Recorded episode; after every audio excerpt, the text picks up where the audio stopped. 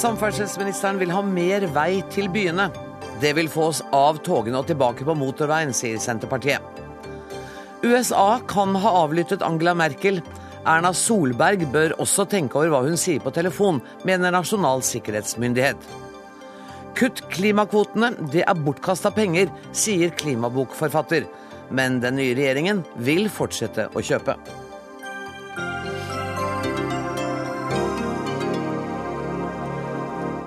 Dette er Dagsnytt 18, der vi også skal møte Tor Boman Larsen, som i dag lanserte sjette bind om kong Haakon og dronning Maud. Men aller først. Det er storbyene, og kanskje særlig det sentrale østlandsområdet, som skal prioriteres når det gjelder veibygging og utvikling av kollektivtrafikk. Det sier samferdselsminister Ketil Solvik-Olsen. Senterpartiet er, kanskje ikke helt overraskende, kritisk til dette. Samferdselsminister, velkommen til Dagsnytt 18. Takk. Eh, du har sagt at du vil bruke regjeringens ekstramidler til å fremskynde store veiprosjekter i og rundt byene, bl.a. Hvorfor vil du det? For det første vil jeg si at Vi ønsker å oppfylle den nasjonale transportplanen som Stortinget har vedtatt. Så skal dette komme i tillegg. Så vi skal altså ikke skrinlegge noe.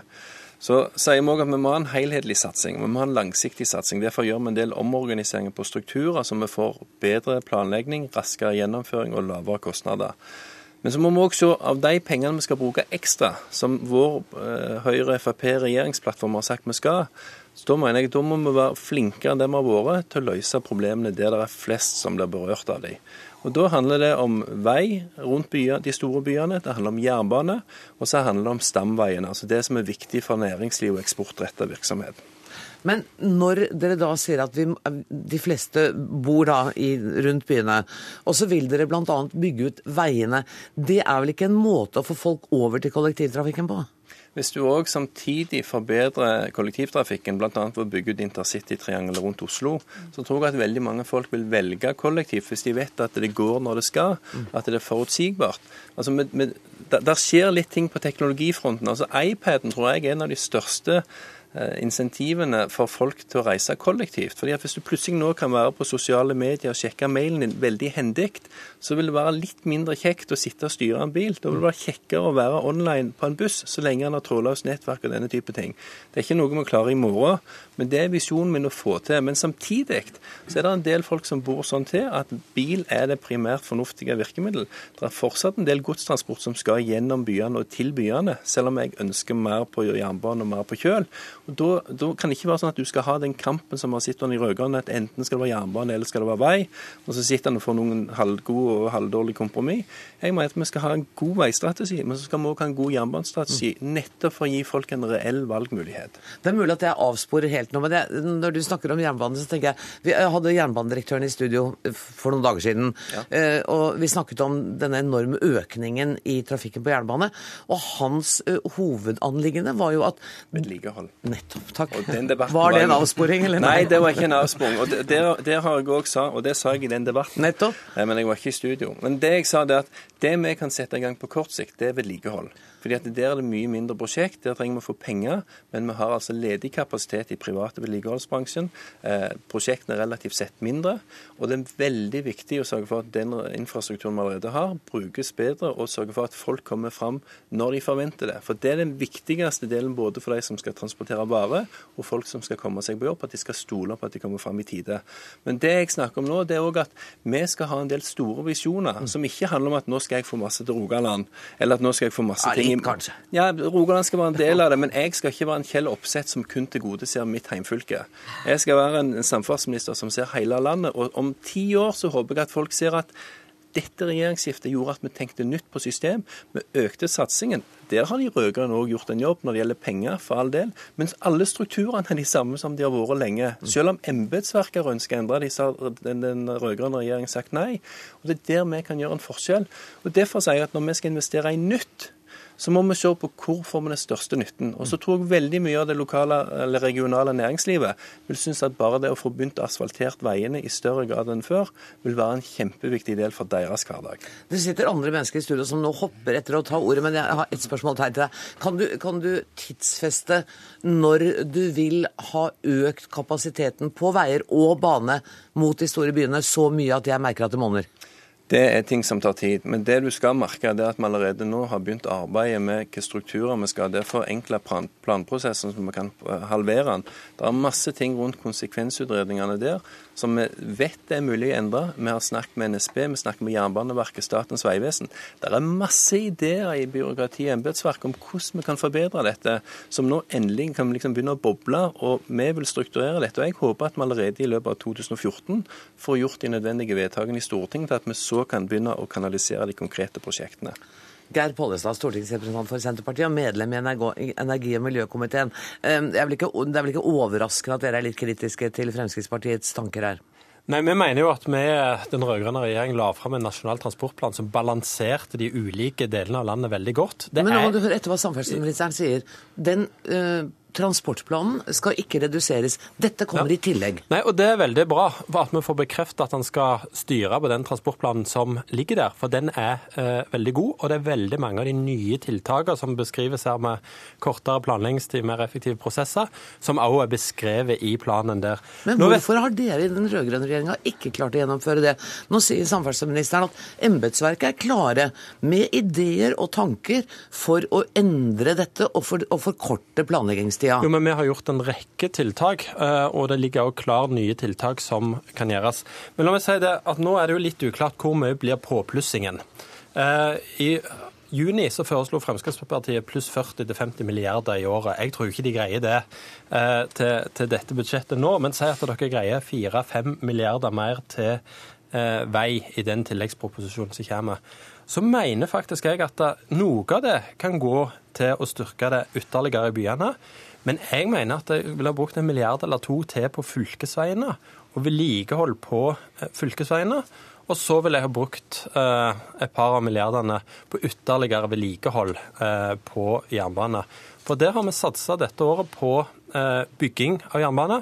Investeringene i jernbanen pluss 60 Det er jo en formidabel eh, økning. Mm. Så hvis Solvik-Olsen gjennomfører den transportplanen som vi la fram, så kommer Solvik-Olsen til å bli en meget populær samferdselsminister. Gjør han mer utover det, så skal Senterpartiet applaudere det. Men den regionale balansen må opprettholdes. Eh, vi har et næringsliv i hele landet. Og også veiene i distriktene, de statlige veiene i distriktene, binder byene sammen. Så det er ikke en kamp distrikt mot by her. Men sånn at Hvis da uh, samferdselsministeren gjennomfører transportplanen og, og, gjør noe mer i tillegg, så vil dere applaudere, men hvis det, gjelder, hvis det bare er for å styrke byene, så klapper dere bare med ene handa? Ja, Da vil vi begrense oss deg i hånd. fordi at det er eh, behov for å ha en balanse i samferdselspolitikken i Norge. Og det handler både om å løse trafikkutfordringene rundt de store byene. Og der er jeg litt redd for at ikke Solvik-Olsen er nok opptatt er kanskje for mye opptatt av vei, og i for liten grad opptatt av jernbane og kollektiv. Det er svært viktig der. Mens i distriktene, og for binde byene sammen, så må vi eh, bygge veier. Og det ønsker Senterpartiet å gjøre. Det har vi lagt inn i den nasjonale transportplanen som er. Som altså, Vi må ikke snakke ned den eh, transportplanen, for det er en meget offensiv Men det er det ingen som har gjort i dette studioet. Nei, og det er jeg veldig glad for. Og hvis Solvik-Olsen nå eh, i høst leverer 4-5 milliarder ekstra, så skal jeg love at Senterpartiet eh, skal klappe. Solvik-Olsen, du skal få ordet igjen, men jeg regner med at du ikke kommer med noen budsjettlekkasje. Så jeg går først til Vibeke Hammer Madsen, administrerende direktør i hovedorganisasjonen Virke. Hvordan er din reaksjon på utspillet fra samferdselsministeren? Vi er jo veldig glad for det vi hører i dag. Og jeg opplever at i Virke så har vi kjempet ganske hardt for å få frem eh, utfordringene rundt eh, trafikken rundt og i de store byene. Og eh, da Nasjonal transportplan kom, så opplevde vi at vi sto ganske alene ved å rope høyt om at vi trenger å gjøre noe og prioritere de store byene og køene inn og rundt dem. Rett og slett fordi det er god distriktspolitikk. Men samferdselsministeren vil jo både både bygge bane og vei. Du snakker nå nesten bare om vei. Ja, Nei, vi også. Naturligvis er vi opptatt av å få gods på bane. Vi er opptatt av kollektivtrafikk, og vi er opptatt av veiene. I Norge fremover, med befolkningsveksten og transportbehovet, og at varene skal raskere frem, skal bedriftene klare en lønnsom drift, så trenger vi å jobbe alle tre tingene samtidig. Men har ikke Pollestad et, nei, et kjempepoeng når han sier at det må være en balanse eh, i det som er fylkesveier og byene? For hvis transporten skal gå fra Tromsø til Oslo, så trenger du noen fylkesveier også som kan ivareta det. Ja, Men når vi er ute og spør våre virksomheter også den typisk vanlige norske bedriften rundt omkring i hele landet, hva er det de da sier som nummer én? Gjør noe med køene inn til de store byene. Vi skal ikke inn til Oslo. Vi, bare, vi, må bare gjennom Oslo for å komme videre ned i Europa, eller varene våre må andre vei. Så det koster bedriftene altfor mye å stå i dag i kø. En eh, sier til meg to timer i kø hver dag. Da står han tre måneder i året for å levere varer. Så du bruker begge hendene i applaus til samferdselsministeren? Begge hendene, og så håper jeg at uh, vi sier at det er utredet mye, sånn at vi klarer å komme raskt i gang og få prioritert de store byene. Lars Haltbrekken, du er leder i Norges naturvernforbund. Du sitter vel på hendene dine du nå? det er veldig bra at samferdselsministeren uh, signaliserer at det skal bli mer penger til kollektivtrafikk i de store byene. Men det store problemet er jo dersom man skal bygge nye, svære motorveier i og rundt de store byene. Det vet vi fører til mer biltrafikk. Det fører til mer forurensning. Vi får økte problemer med helseskadelig luftforurensning i byer som Oslo, Trondheim, Bergen osv. Og, så og vi får økte utslipp av klimagasser. Det vi må sørge for, er jo at folk får et godt kollektivtilbud, i stedet for at vi eh, hele tida skal bygge ut nye motorveier. I Oslo nå så planlegger man en eh, motorvei vestover eh, mot Asker på 12 14 14 felt. Det er klart at det fører til mer trafikk.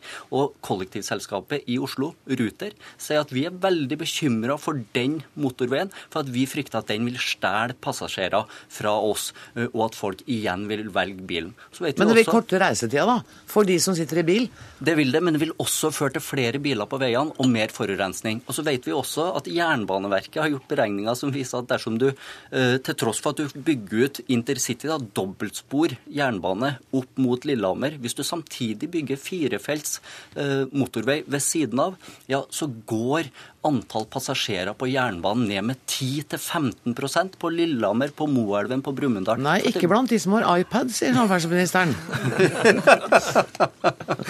Jeg tror nok ikke at det er iPaden som da løser dette problemet. Men vi er nødt til å velge i samferdselspolitikken. Og vi velger miljø. Vi velger da jernbane og kollektivtrafikk. Få en sterk satsing på det, men la det skje på bekostning av de store motorveiene. Nå må samferdselsministeren få lov å svare, for nå var det mange ting her. Ja, nei, og altså, når jeg var i opposisjon, så fikk jeg beskjed om at vi hele veien eh, var så bekymra over alt. Eh, jeg prøver å tegne visjoner framover, og vi kommer til å bygge på det som har blitt vedtatt i Stortinget før. og Det er gode ting fra de rød-grønne, men det er mange ting som de ikke benytter seg av av rapporter.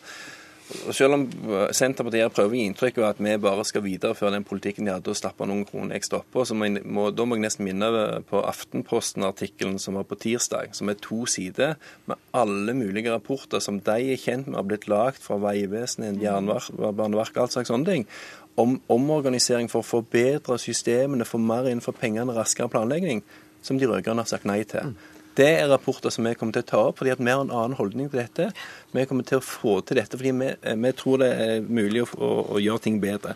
Det andre poenget som jeg må ta opp det er at vi skal ivareta Nasjonal transportplan. Den har en god balanse. Men det at vi vil satse enda mer der det bor mest mulig folk og da, da Med all respekt for Oslo, men der bor òg folk i Bergen, Stavanger, Trondheim, eh, Tromsø, Kristiansand. Altså, sånn at Jeg tenker ikke bare Oslo. Eh, men veiene blir jo ikke dårligere andre steder i landet om du satser ekstra i de befolkningstette områdene, om du satser ekstra på stamveiene. Det er jo nettopp der behovene er størst, for der er det flest som reiser. Og det er der òg eksportvarene våre går. Det er stamveiene. Og, og Samferdselsminister, tida ja. løper så veldig fra. altså jeg har så lyst til at du skal svare på det fra Haltbrekken. Så ja. sier at bygger du disse svære motorveiene, så er det bare miljøet som taper. Det er jeg uenig i, for det skjer veldig mye på bilteknologi, lastebilteknologi, som reduserer utslipp i seg selv. Det er elbilsatsingen. og Jernbaneverket at de frykter færre passasjerer, nettopp pga. at det blir mye lettere å kjøre bil? Fordi at ofte er det sånn at en er vant med at det, er sånn som en har sett fra de rød-grønne, der SV sier at enten må du bygge vei, eller så bygger du jernbane. Vi vil satse på begge deler. Det som er mitt primære greie, det er å sørge for at de som reiser til og fra jobb, kan gjøre det med forutsigbarhet. At de som har varer å transportere til markedet i Norge eller ut av landet, at de kan planlegge bedre og ha mindre kø og mindre slitasje og færre ulykker på bilene fordi at veisystemet er bedre. Da må, tenke, da må, du tenke, både vei og jernbane. og Så vil jeg gjøre kollektivtrafikken så god at de som har den fleksibiliteten, vil velge det. Fordi at de òg frigjør tid mens de sitter og lar andre kjøre bil. Jeg skulle ønske vi hadde hele timen til. Jeg er nødt til å sette strek, og så får alle vi møtes etter sending og diskutere videre, tror jeg. Tusen takk for at dere kom. Takk til Ketil Solvik-Olsen, takk til Geir Pollestad, Lars Haltbrekken og Vibeke Hammer Madsen. Hør Dagsnytt 18 når du vil, på nettradio eller som podkast. nrk.no – dagsnytt 18.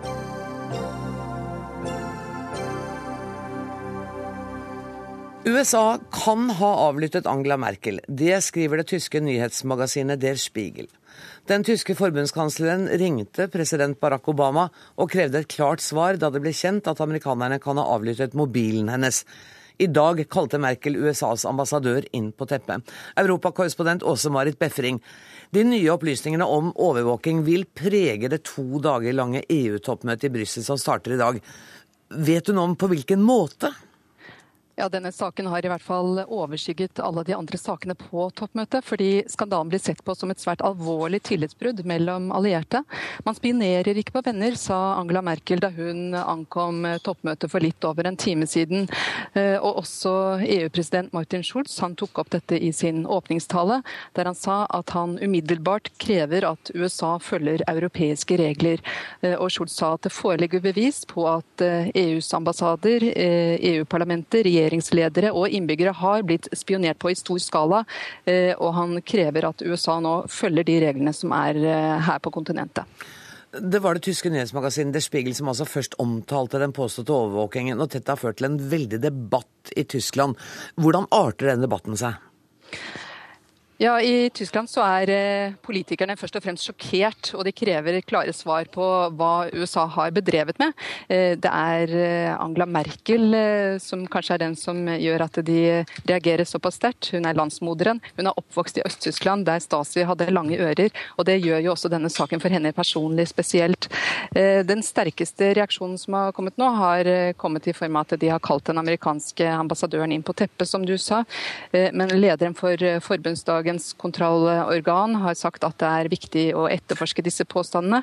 Og flere parlamentarikere mener nå at man ikke skal gå videre med de forhandlingene om frihandelsavtale mellom USA og EU, som blir sett på som en stor og viktig sak for både USA og EU. Så dette, denne saken kan virkelig få praktiske økonomiske konsekvenser for USA? Ja, Dersom de går videre med det, og flere mener at, eh, at, man ikke kan samarbeide med USA fordi USA ikke er å stole på, så kan dette få alvorlige økonomiske konsekvenser i en tid der de trenger større markedstilgang for å få i gang hjulene igjen. USA-korrespondent Anders Tvegård, hvordan reageres det i Det hvite hus på beskyldningene fra Tyskland? Ved å snakke i nåtid og si at de ikke har avlyttet eller kommer til å avlytte Merkels kommunikasjoner. Obama han tok telefonen fra Merkel i går og forsikret om dette. Avsløringene de er en opplagt belastning for USA. Anklager kommer ikke bare fra Tyskland, men også andre allierte, som Frankrike denne uka, Mexico, Brasil. Og etter telefonmøtet med Merkel i går, så har ikke Det hvite hus svart på om overvåkningen kan ha skjedd tidligere. Nei, de sier USA overvåker ikke, og vil ikke overvåke den tyske statsministerens kommunikasjoner. Så de har på en måte tatt høyde for at det kan ha skjedd tidligere, da. De velger å ikke si noe om det. og I dag så har eh, Tyskland valgt å kalle inn den amerikanske ambassadøren fordi de var kanskje ikke fornøyd med hva Obama eh, svarte i går. Eh, USA vil jo ikke kommentere dette møtet. De sier at de snakker med sine allierte direkte, svarer på spørsmål på flere plan og ikke via mediene. Men det at Obama forsøkte å være en brannslukker, har kanskje ikke vært godt nok foreløpig. Og så hadde USA og Tyskland en en, runde uh, på forsommeren etter avsløringen om uh, massiv overvåkning av data- og telefontrafikk i Europa. og Den gangen så, så truet krisa med å spolere samtalen om en frihandelsavtale. Det endte med at etterretningsmiljøene skulle samarbeide videre. og Om den amerikanske overvåkningen har fortsatt i samme omfang etter disse møtene på forsommeren, ja, Det er det bare få som vet, og da er dette her en enda større tillitskrise. Er dette blitt en stor sak også i USA? Det er ikke bare uh, sinte statsledere som, uh, som, ringer eh, Obama nå, men også medlemmer i Kongressen. De raser over omfanget av overvåkningen. og Det, er, det har kommet spesielt etter at det er kjent at også amerikanere overvåkes. Politikerne i Kongressen de har hatt flere høringer. De føler seg ført bak lyset, og at de får mer informasjon i pressen enn av etterretningsmiljøet. Du har um, en formann i Senatets justiskomité. Han er i samme parti som presidenten han har antydet at NSA, som driver denne overvåkningen, går lenger enn sine fullmakter. Og han har også klaget på uh, mangel på åpenhet uh, offentlig. Og når det er sagt, det er ingen her som er sjokkert eller overrasket over at USA driver med etterretning. Uh, og, men, men avsløringene de oppleves likevel som, som flaue eller pinlige for, for myndighetene. Roar Thon, du er seniorrådgiver i Nasjonal sikkerhetsmyndighet. Og nå hører vi Angela Merkel har sagt 'du avlytter ikke dine venner'. Jo, man gjør visst det. Ja, Det er jo et annet spørsmål her som vi stilte allerede i sommer. og Det er jo spørsmålet om har man venner? Har stater venner? Når det kommer til stykket. Eh, vi sa allerede i sommer at eh, dette er, bør ikke overraske når det kommer til stykket, uansett hvem som gjør hvem, altså hva med hvem. Eh, fordi stater, nasjonalstater vil alltid være interessert i informasjon som kommer dem til nytte i en eller annen sammenheng. Eh, selvsagt vil det alltid da være spørsmål om hva slags metoder gjør det, hva er eh, farene dersom det skulle bli kjent osv., hva er konsekvensene. Men, eh, men, i denne verden, når det kommer til, til etterretning, så foregår det mye. Du har sagt til en kollega av meg tidligere i dag at også lille Norge er interessant, og at Erna Solberg bør være forsiktig når hun snakker i telefon. Ja, hva statsministeren bruker telefonen sin til, det vet hun veldig godt hva hun kan og ikke kan bruke den til. Eh, og det er ikke bare statsministeren som skal tenke litt over det. men eh, vi skal kanskje tenke på, og det gjør vi allerede i dag, hvor vi eh, gjennomfører samtaler, hvor vi ikke har med oss noe teknologi inn overhodet, i et rom hvor vi diskuterer ting vi virkelig trenger å beskytte det er eh, behov for kanskje å tenke seg at uh, om man ikke legger fra seg mobiltelefonen, så skal man kanskje ikke gjennomføre denne samtalen akkurat på telefonen med noen andre. Snakker du nå om statsledere og folk i sikkerhetsorganisasjoner, eller snakker du om oss alle? Vi, altså, vi kan godt uh, si at uh, på, på, på, toppen så, så, bør man kanskje tenke på å legge fra seg og ikke ta dette med seg inn i møter. Men, men, jeg tror alle har behov for å tenke litt over hva de bruker av teknologi når det kommer til stykket. Jeg observerte senest i forrige uke, rett etter at ny regjering ble satt, en eh, jeg kan kalle han en forretningsmann som diskuterte med sin kollega på Skype via full audiovisuell tilgang som jeg kunne se på i en hotellresepsjon, hvordan man kunne påvirke en av landets nye statsråder. Altså, Bevisstheten for å mange måter ikke, altså, snakke åpenlyst, den er ikke til stede sånn slik vi gjerne skulle ha sett at den var. Er det noen av uh, disse elektroniske mediene som er lukket? Er f.eks. en Hvis jeg sender deg en SMS, uh, eh, går den rett fra meg til deg? Nei, det gjør den overhodet ikke. Og det, det, tror jeg ikke vi, de aller fleste av oss fullt ut tenker over. Uh, den, I verste fall så er den innom et annet land før den kommer til deg. Med da en betydelig mulighet og risiko for at noen andre med lovlige og ulovlige metoder kan fange opp informasjonen og benytte den til sitt formål. Er det sannsynlig at Norge bedriver denne type avlytting og overvåking? Det har jeg ingen forutsetning for å si noe om, fordi jeg kommer ikke fra en etterretningstjeneste. Men det ville vel være rart hvis vi var det eneste landet i verden som ikke drev med dette her? Eller kanskje ikke. Du, hvilken skade kan det gjøre for Norge at vi blir overvåket på denne måten? Jeg tror vi kan dele dette inn i to. og Dette avhenger selvsagt hva slags informasjon vi snakker om som blir, eh, altså kommer andre til gode. Hvis vi, hvis vi, tar utgangspunkt at vi ikke ønsker at andre skal få ta del i den informasjonen i seg selv, mm. så er det bekymringsverdig at noen i så fall har gjort det. Men den aller største konsekvensen den kommer på sikt, hvor informasjonen blir benyttet mot oss i en eller annen sammenheng på et strategisk nivå, på et økonomisk nivå, altså det være seg for Norge som land eller en, eller en privat bedrift som mister informasjonen sin, og møte seg selv i døren gjennom det tapet tre år etterpå. Mm. Det er da det økonomiske tapet kan komme. Men du mener da at ansvaret ligger hos den som til nå er, er, blir avlyttet? Den, altså Angela Merkel, eh, nasjonene, må ta sine forholdsregler fordi at den type avlytting vil andre stater forsøke på hele tiden? Altså, ja, Uansett hvem som vil forsøke å gjøre det, så må man slå fast og forstå at det er teknisk mulig å gjøre det. Mm. En, en, mobiltelefon i dag er ikke en telefon, det er en datamaskin som vi går rundt med oss eh, på. Og den har en rekke muligheter for at noen kan altså, misbruke den informasjonen du da har der eller bruker å transportere. Er det noen mulighet for å gardere seg 100 Det eneste som er 100% sikker, er at ingenting er sikkert. Så det eneste sikre, det er at to mennesker møtes i et rom som ikke kan avlyttes? Ja, selv, selv det er jo da spørsmålet om det Ja, kan, kan avlyttes avlyttes eller eller ikke. ikke. ikke. Eh, Hvordan vurderer du sannsynligheten for at Norge er utsatt for overvåking fra andre stater? Ja, altså, At Norge er et mål for fremmed etterretning, er allerede slått fast gjennom altså, de åpne produktene fra eh, bl.a. oss sammen med Politiets sikkerhetstjeneste og Etterretningstjenesten. Slik at Det er ikke noe overraskende at Norge er interessant som sådan. Norsk myndighetsutøvelse, eh, norsk eh, teknologi innenfor forsvarsindustri, olje, gass, energi, er i målgruppa til altså, etterretningsaktører. Tusen takk for at du kom. Nå skal vi jo få en egen eh, som har ansvaret for sikkerhet, eh, det overordnede sikkerhetsarbeidet ved statsministerens kontor. Eh, hun blir ikke arbeidsløs. Det tror jeg ikke. Tusen takk for at du kom, Roar Thon. Takk også til Åse-Marit Befring og Anders Tvegård.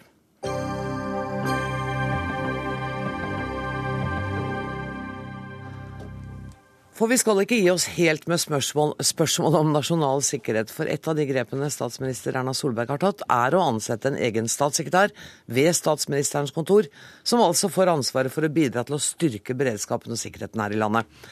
Og som vi hørte, du kommer ikke til å bli arbeidsløs, Laila Bokhari. Mange har merket seg at det er du som har fått denne jobben, Eh, men vi har foreløpig hørt lite konkret om hva du skal gjøre. Der er vi helt i startfasen også. Først og fremst så er det jo et eh, sterkt signal fra den nye regjeringen om at man ønsker å plassere ved statsministerens kontor en som, har, som, som følger med på dette området. Og det rollen min skal være, er for det første å rådgi statsministeren oppover eh, på spørsmål rundt sikkerhet og beredskap. Det er å være pådriver nedover til fagetaten og fagdepartementene. Og så er det også å ha den rollen med å koordinere enkelte av disse spørsmålene. Og det vi er i gang med nå, er bl.a. for meg å få et overordnet bilde av hva, hvordan ser eh, Beredskaps-Norge ut? Eh, mange aktører, mye spennende å sette seg eh, inn i. Eh, og så se hva er problemstillingene, hvor er hullene, hva er det vi kan gå videre med. Hva slags myndighet får du?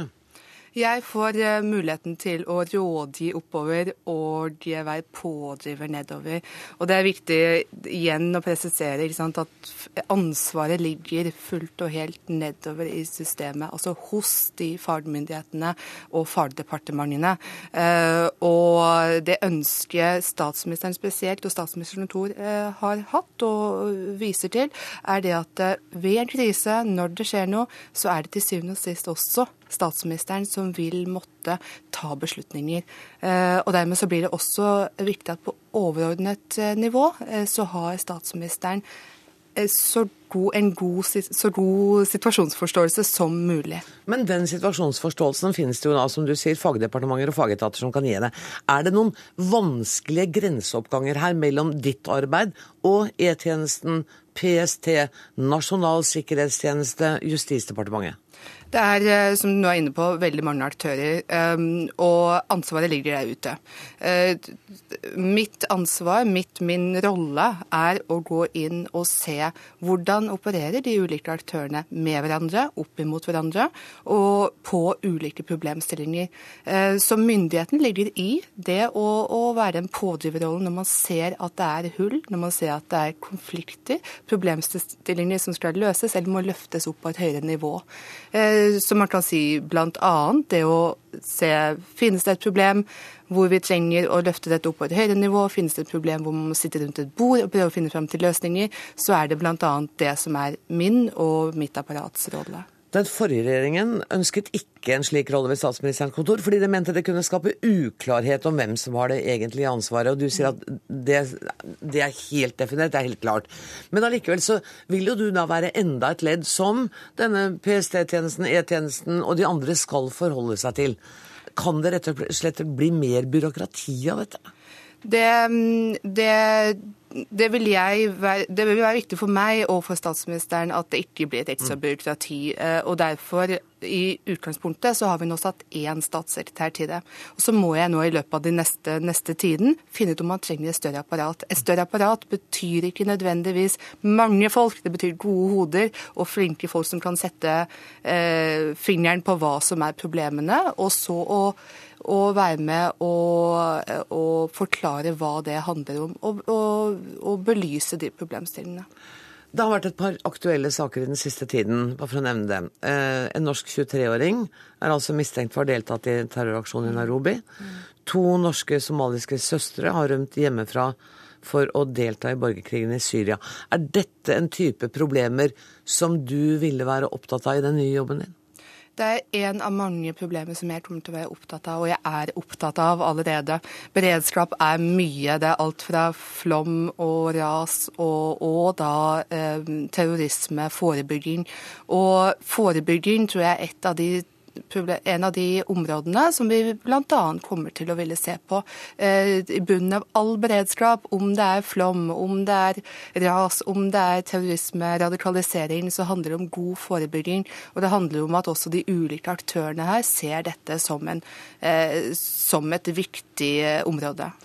PST-sjefen var i studio her på tirsdag og snakket nettopp om forebygging da i forbindelse med radikalisering. Mm. Um, betyr det at du vil inngå i et aktivt samarbeid? PST har jo ikke det som oppgave å drive forebyggende uh, arbeid på det feltet, mm. men hun var opptatt av å si at det er samfunnets ansvar. Mm. Det vil da bl.a. være ditt ansvar? Ja, og det vil være den rollen og den, den, det elementet ved statsministerens kontor skal bl.a. se på hva, hva, hva betyr forebygging. Hvilke aktører der ute er det som er viktig for oss å kunne bringe inn i forebyggingselementet. Nå er det først og fremst igjen sant, det utøvende myndighetene og utførende funksjonene ute nede, eh, Justisdepartementet, som vil gjøre arbeidet. Men jeg ønsker å bl.a. se på hvordan gjøres dette arbeidet, og hvordan kan vi følge opp dette på, bedre, på en bedre måte. Du er, eh, har anerkjent eh, ord på deg, som, eller du er, du er, anerkjent som forsker på dette området også. Mm. Har stort internasjonalt kontaktnett. Vil også det, det som foregår i utlandet ligge på ditt bord? Jeg ønsker eh, framover, men også nå, å sette meg inn i hvordan andre land har organisert seg. Eh, det er land som vi kjenner til, Storbritannia, Tyskland og andre land som har ulike løsninger på dette. Eh, og det vil være en del av det jeg ønsker å se på framover. Er USA, USAs modell en uh, måte å USA har én modell av mange. Jeg tror vi skal se på, eh, være åpen for at det er mange ulike løsninger her. Når regner du med at du har på en måte en jobbbeskrivelse klar? Jeg har i mitt hode en, en, ambisjon om hvor jeg ønsker å gå, eh, og det har vi diskutert på statsministerens kontor. Jeg har allerede satt i gang eh, noen få skritt. Noen, eh, nå er det, er det sjette-syvende dagen. Ja. Men jeg har mange tanker, og så får vi se hvor det, hvor det går hen. Jeg gleder meg til at du kommer hit og deler tankene med oss når det er flere detaljer på plass i arbeidet. Lykke til, Laila Bokhari, statssekretær ved statsministerens kontor.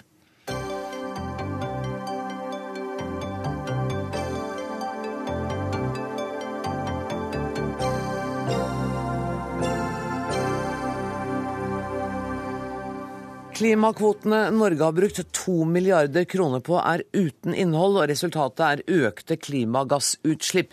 Dermed har ikke Norge overoppfylt Kyoto-avtalen slik politikerne ønsker. Det sier Erik Martinussen, journalist og forfatter av boka 'Drivhuseffekten klimapolitikken som forsvant'.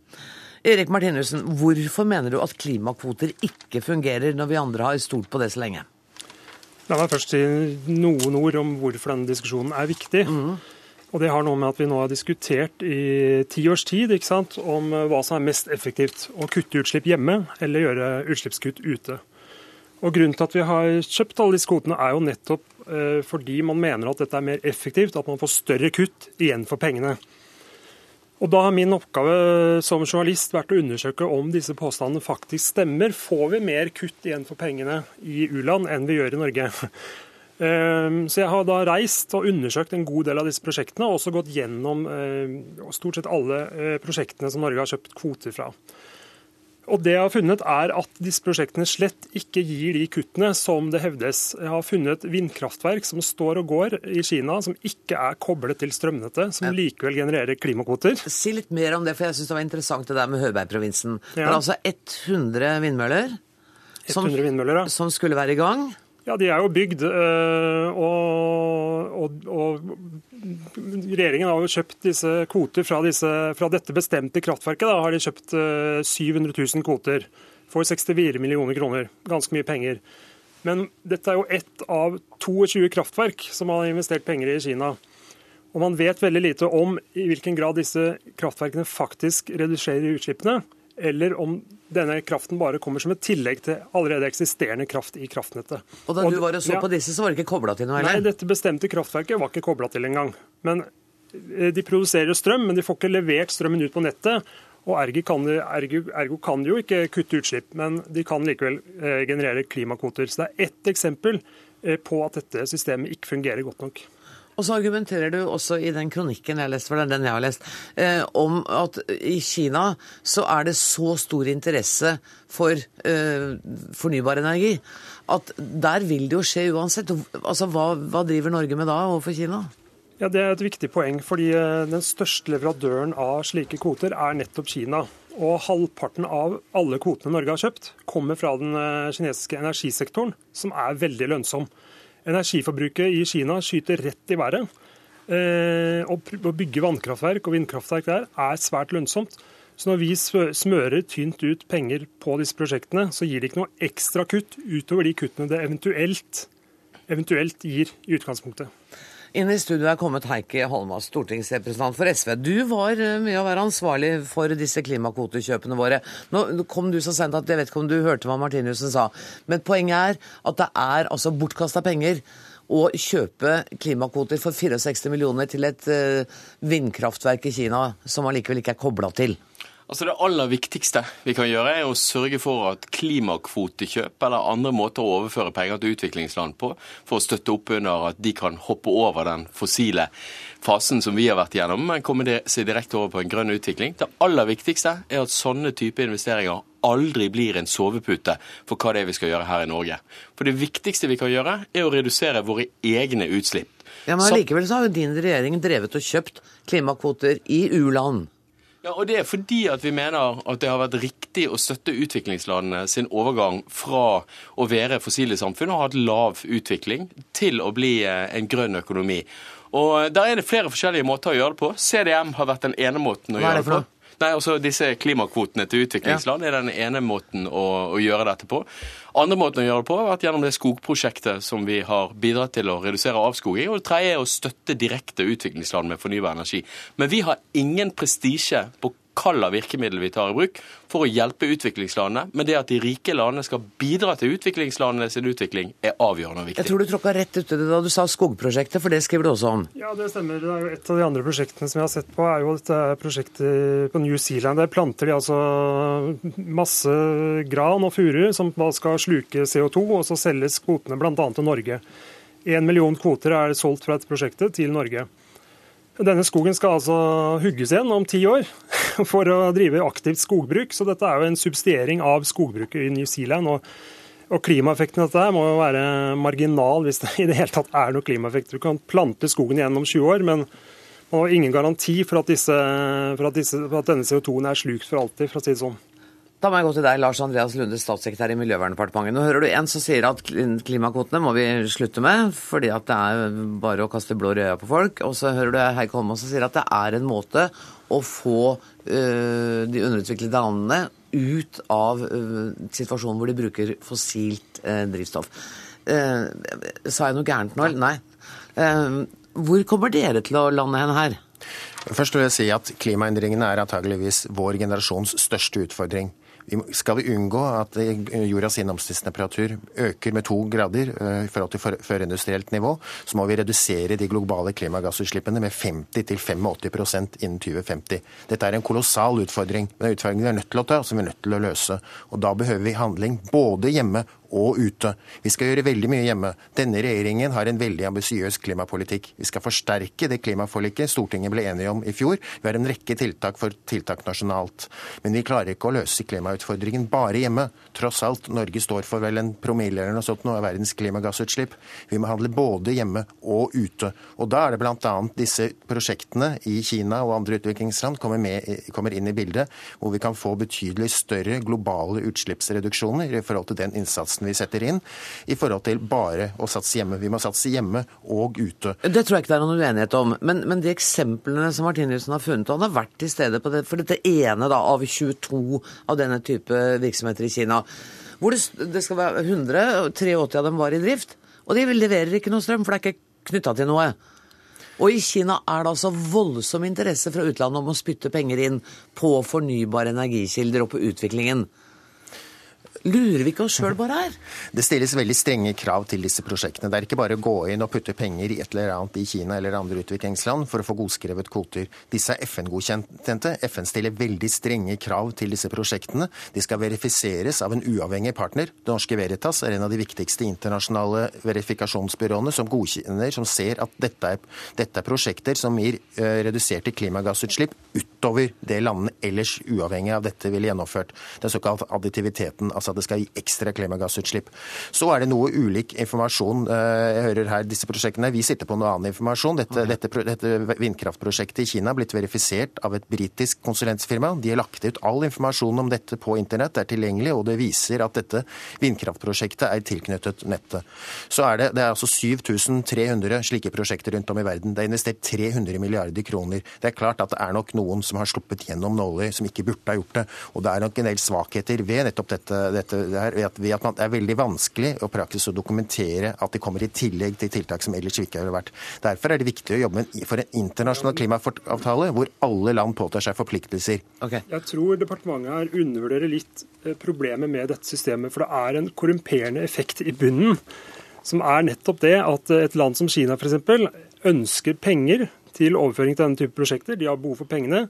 Et land som Norge som har store utslipp, og et land som Canada, som også har store utslipp fra sin uh, oljeproduksjon, eh, har interesse av å, kjøpe kvoter. Så det er et interessefellesskap mellom disse, disse landene som gjør at, uh, at, disse prosjektene får gå videre.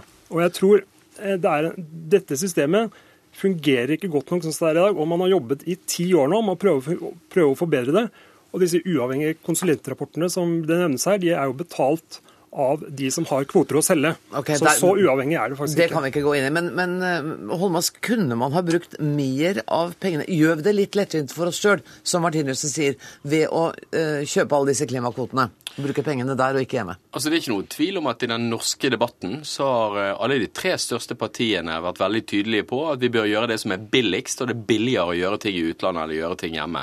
Jeg mener det er å løpe fra et ansvar. Vi er nødt for å gjøre jobben hjemme. Og Det er jo kun gjennom å ta den omstillingen hvert enkelt land må gjøre, at du kan klare å få løst klimaproblemene. Jeg vil ikke sette det opp som et sånn type enten-eller. Jeg vil si vi må ha fokus på å redusere våre utslipp i Norge, og så må vi samtidig bidra til å overføre penger til utviklingsland. Jeg syns jo at påstandene som kommer frem fra Martinussen, de er så alvorlige at jeg mener det er verdt at Miljøverndepartementet går ordentlig inn i de og ser ordentlig på det. fordi at dette er ting som er godkjent av FN. Og når det godkjennes av FN, og hvis det er sånn at dårlige ting godkjennes av FN, vel, da er vi nødt for å gjøre noe med systemet og se nøye gjennom hvordan våre penger som vi skal hjelpe utviklingslandene til å komme seg, hoppe over den fossile alderen og rett over i en grønn utvikling, kan brukes på en best mulig måte. Da kommer dere tilbake når Miljøverndepartementet har sett gjennom eh, FN-vedtakene og ser at alt eh, er i orden, og så kommer dere tilbake hit. og Det blir ikke lenge til. Tusen takk for at dere kom, Erik Martinussen, Lars Andreas Lunde og Heikki Holmås.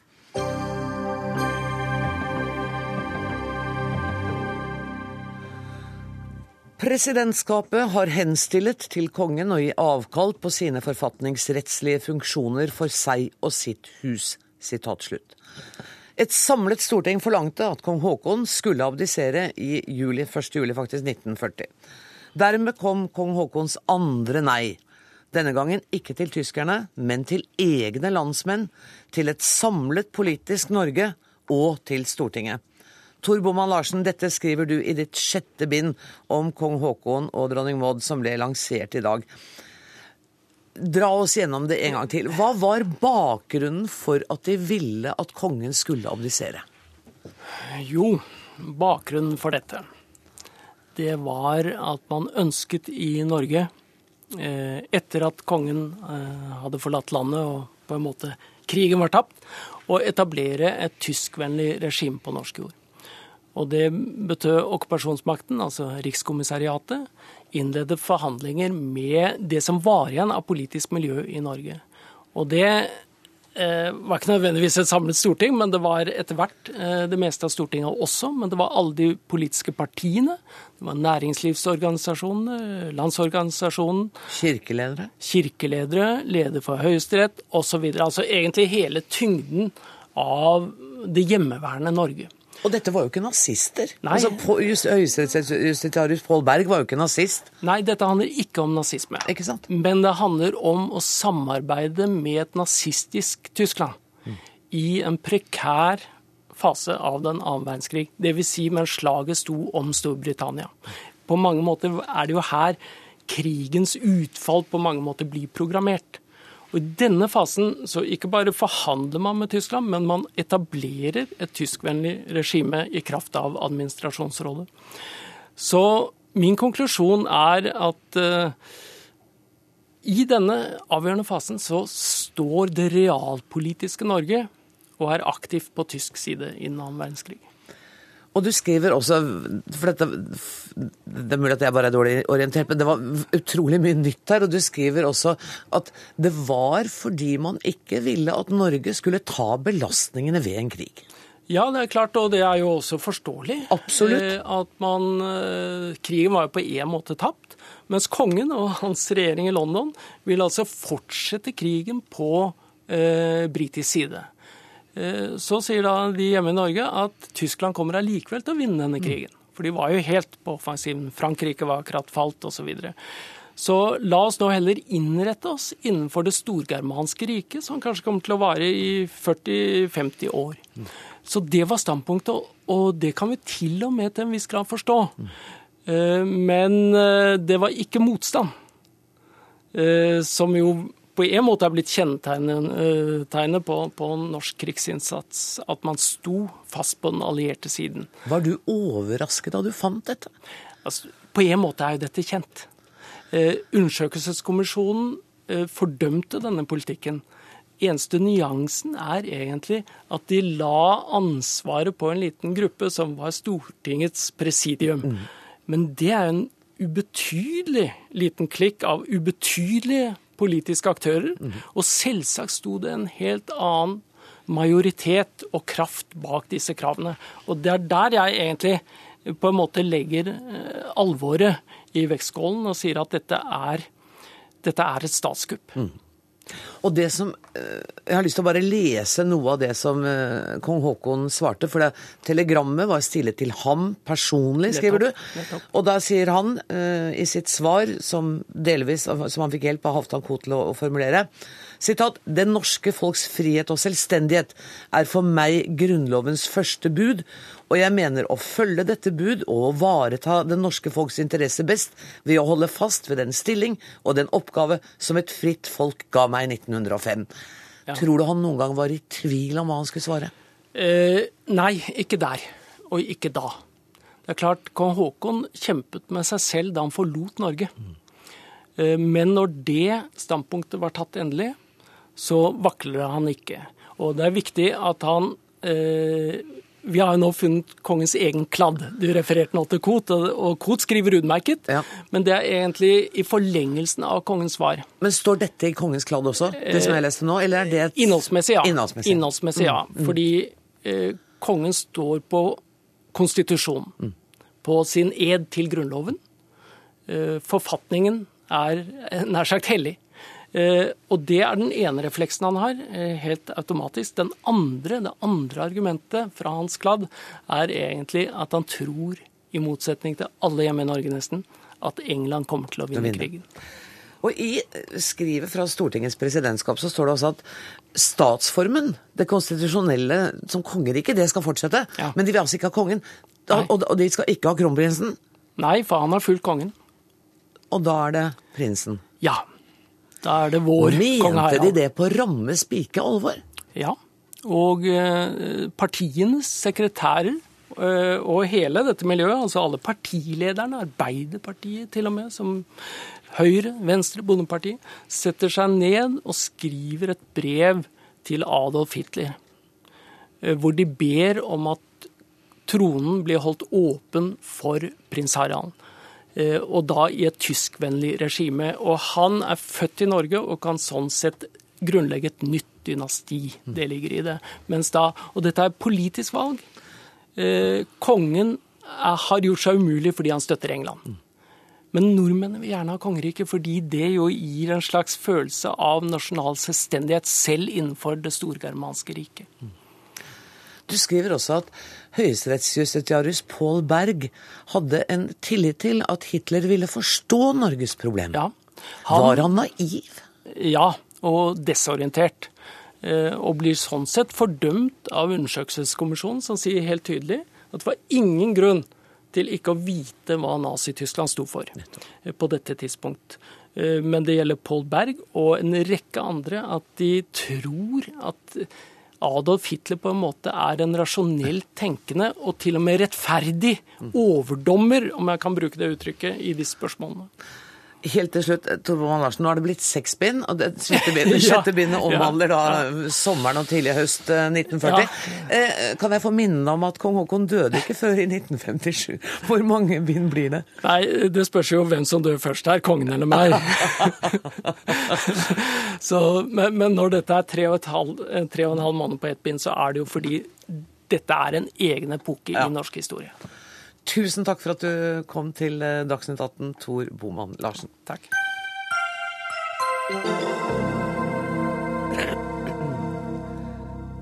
Salget av nye boliger her til lands stuper. Det melder NRK i dag. En ny rapport peker på at skyhøye priser er én vesentlig årsak til at salget faller så kraftig. Sjeføkonom i Eika-gruppen, Jan Ludvig Andreassen.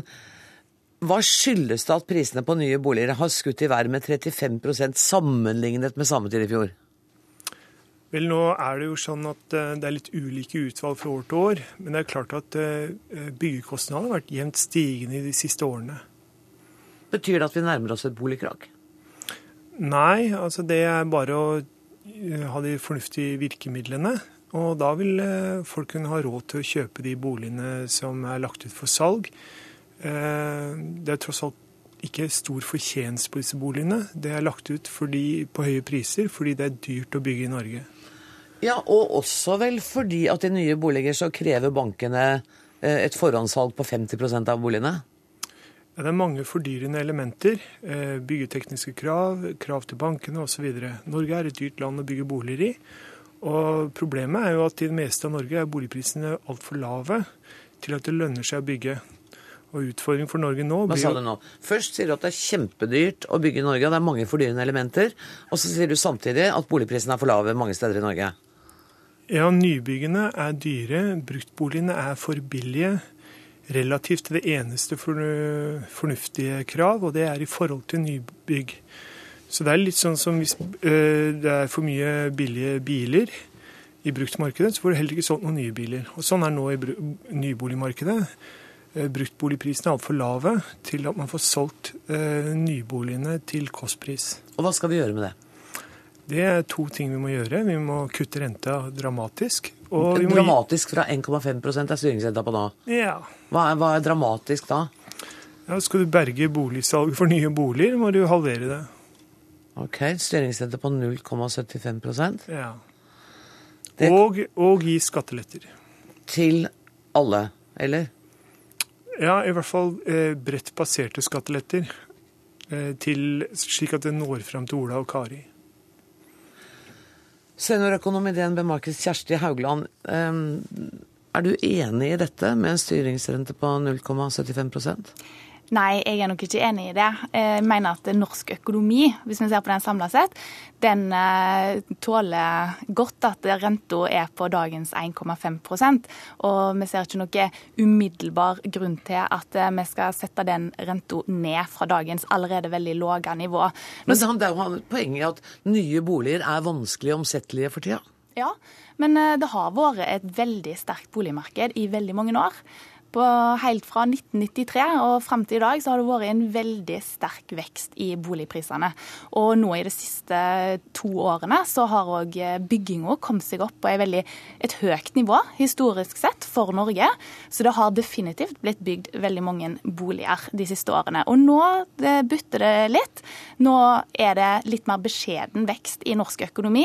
Eh, krav til bankene, eh, noe høyere rente, utlånsrenter til husholdningene det har ført til at eh, stemningen i boligmarkedet har snudd.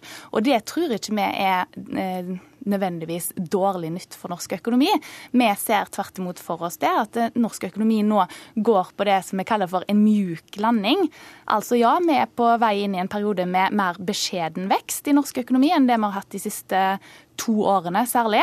Eh, men det er en del, en, en del, av en prosess mot en mindre oljesmurt økonomi, som vi nå er i gang med. Og den prosessen den må vi rett og slett bare la gå sin gang. Og forhåpentligvis så skjer det sakte og gradvis og på en eh, ganske OK måte, uten at vi får for store utslag verken i boligmarked eller i ledighet.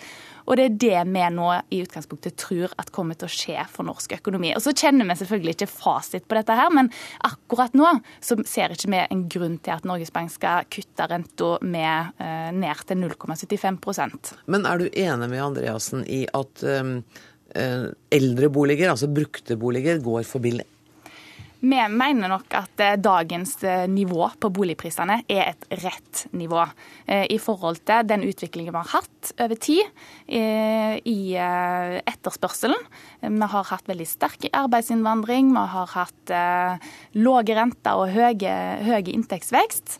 I kombinasjon med at bygginga har vært relativt begrensa i forhold til iallfall økningen i antall husholdninger. Og dermed så har vi fått et nivå som veldig mange oppfatter som høyt. Mm. Det er snakk om at vi må ut med seks ganger årslønn nå for, eh, for en bolig. Eh, ikke, vi skal ikke langt tilbake før det var tregangeren. Så veldig mange vil nok si at boliger i Norge er relativt dyrt. Andreassen, er du alene om dine bekymringer for omsetningen av nye boliger, kravet om skattelette til Kari og Ola og en reduksjon av styringsrenta? Eh, det vet jeg ikke, men logikken er enkel. Eh, vi investerer i mørtel og stein for ca. 140 milliarder kroner i, i, boligsektoren hvert år. Nå ligger det an til at det skal falle 20-30% neste år, eh, mens Finansdepartementet og Norges Bank lever i en eller annen verden hvor det skal stige. Så du tror ikke på noen myk landing? Nei, ikke ut... Jo, altså hvis man gjør de fornuftige grepene. Men jeg ser jo at myndighetene i dag ennå ikke har våknet. Så regner jeg med de våkner før eller siden, bare det blir ille nok. Ja, fordi at altså, I dag har det vært uh, møte i sentralbanken, og de har ikke forandret renta i det hele tatt. Styringsrenta. Sånn at de har da ikke hørt på deg. Nei, Det var to spennende nyheter i dag. Det ene er at um, sentralbanken avventer. Og det andre er at nyboligsalget har kollapset. Mm. Og det blir bare verre fremover. Hvis det ikke skjer de tingene som du mener skal skje, hvor, hva er tidsaspektet du ser før vi krasjlander? Altså, det er ingen, etter mine mål så er det ikke noe vekst i norsk økonomi for tiden i det hele tatt. Uh, og det begynner etter hvert å slå ut i arbeidsmarkedet. Antall stillinger ledige i tilgangen på det i september i år var 15% lavere enn samme periode i fjor. Og dette blir bare verre utover vinteren. Og de som skal inn på boligmarkedet, vil være de som får de største problemene? Nei, Hvis vi holder oss til boligen? Nei. De, de, de, som har det verst nå, det er de som eh, har kjøpt og må selge. Jeg vil anbefale folk å prøve å leie ut en periode i mellomtiden. Ehm, er det riktig at det ikke er noen vekst i norsk økonomi nå? Ja, det tror jeg eh, Jan Andreassen har rett i. At akkurat nå så har det vært et ganske svakt kvartal vi har bak oss. Eh, og vi tror jo at det skal bli vekst igjen nå i fjerde kvartal og i, eh, og i neste år. Men altså ikke like frisk som det vi hadde i fjor. Men det er mange ting som òg går bedre framover. Ok, vi, vi, slutter på den litt optimistiske tonen der om at det skal være en liten eh, vekst eh, framover. Jeg sier tusen takk for at dere kom til Dagsnytt 18, Jan Ludvig Andreassen og Kjersti Haugland. Dermed er eh, denne utgaven av denne sendinga slutt. Ansvarlig i dag var eh, Ida Tune Øritsland. Det tekniske ansvaret har Marianne Myrhol. Jeg heter Anne Grosvold. Takk for nå.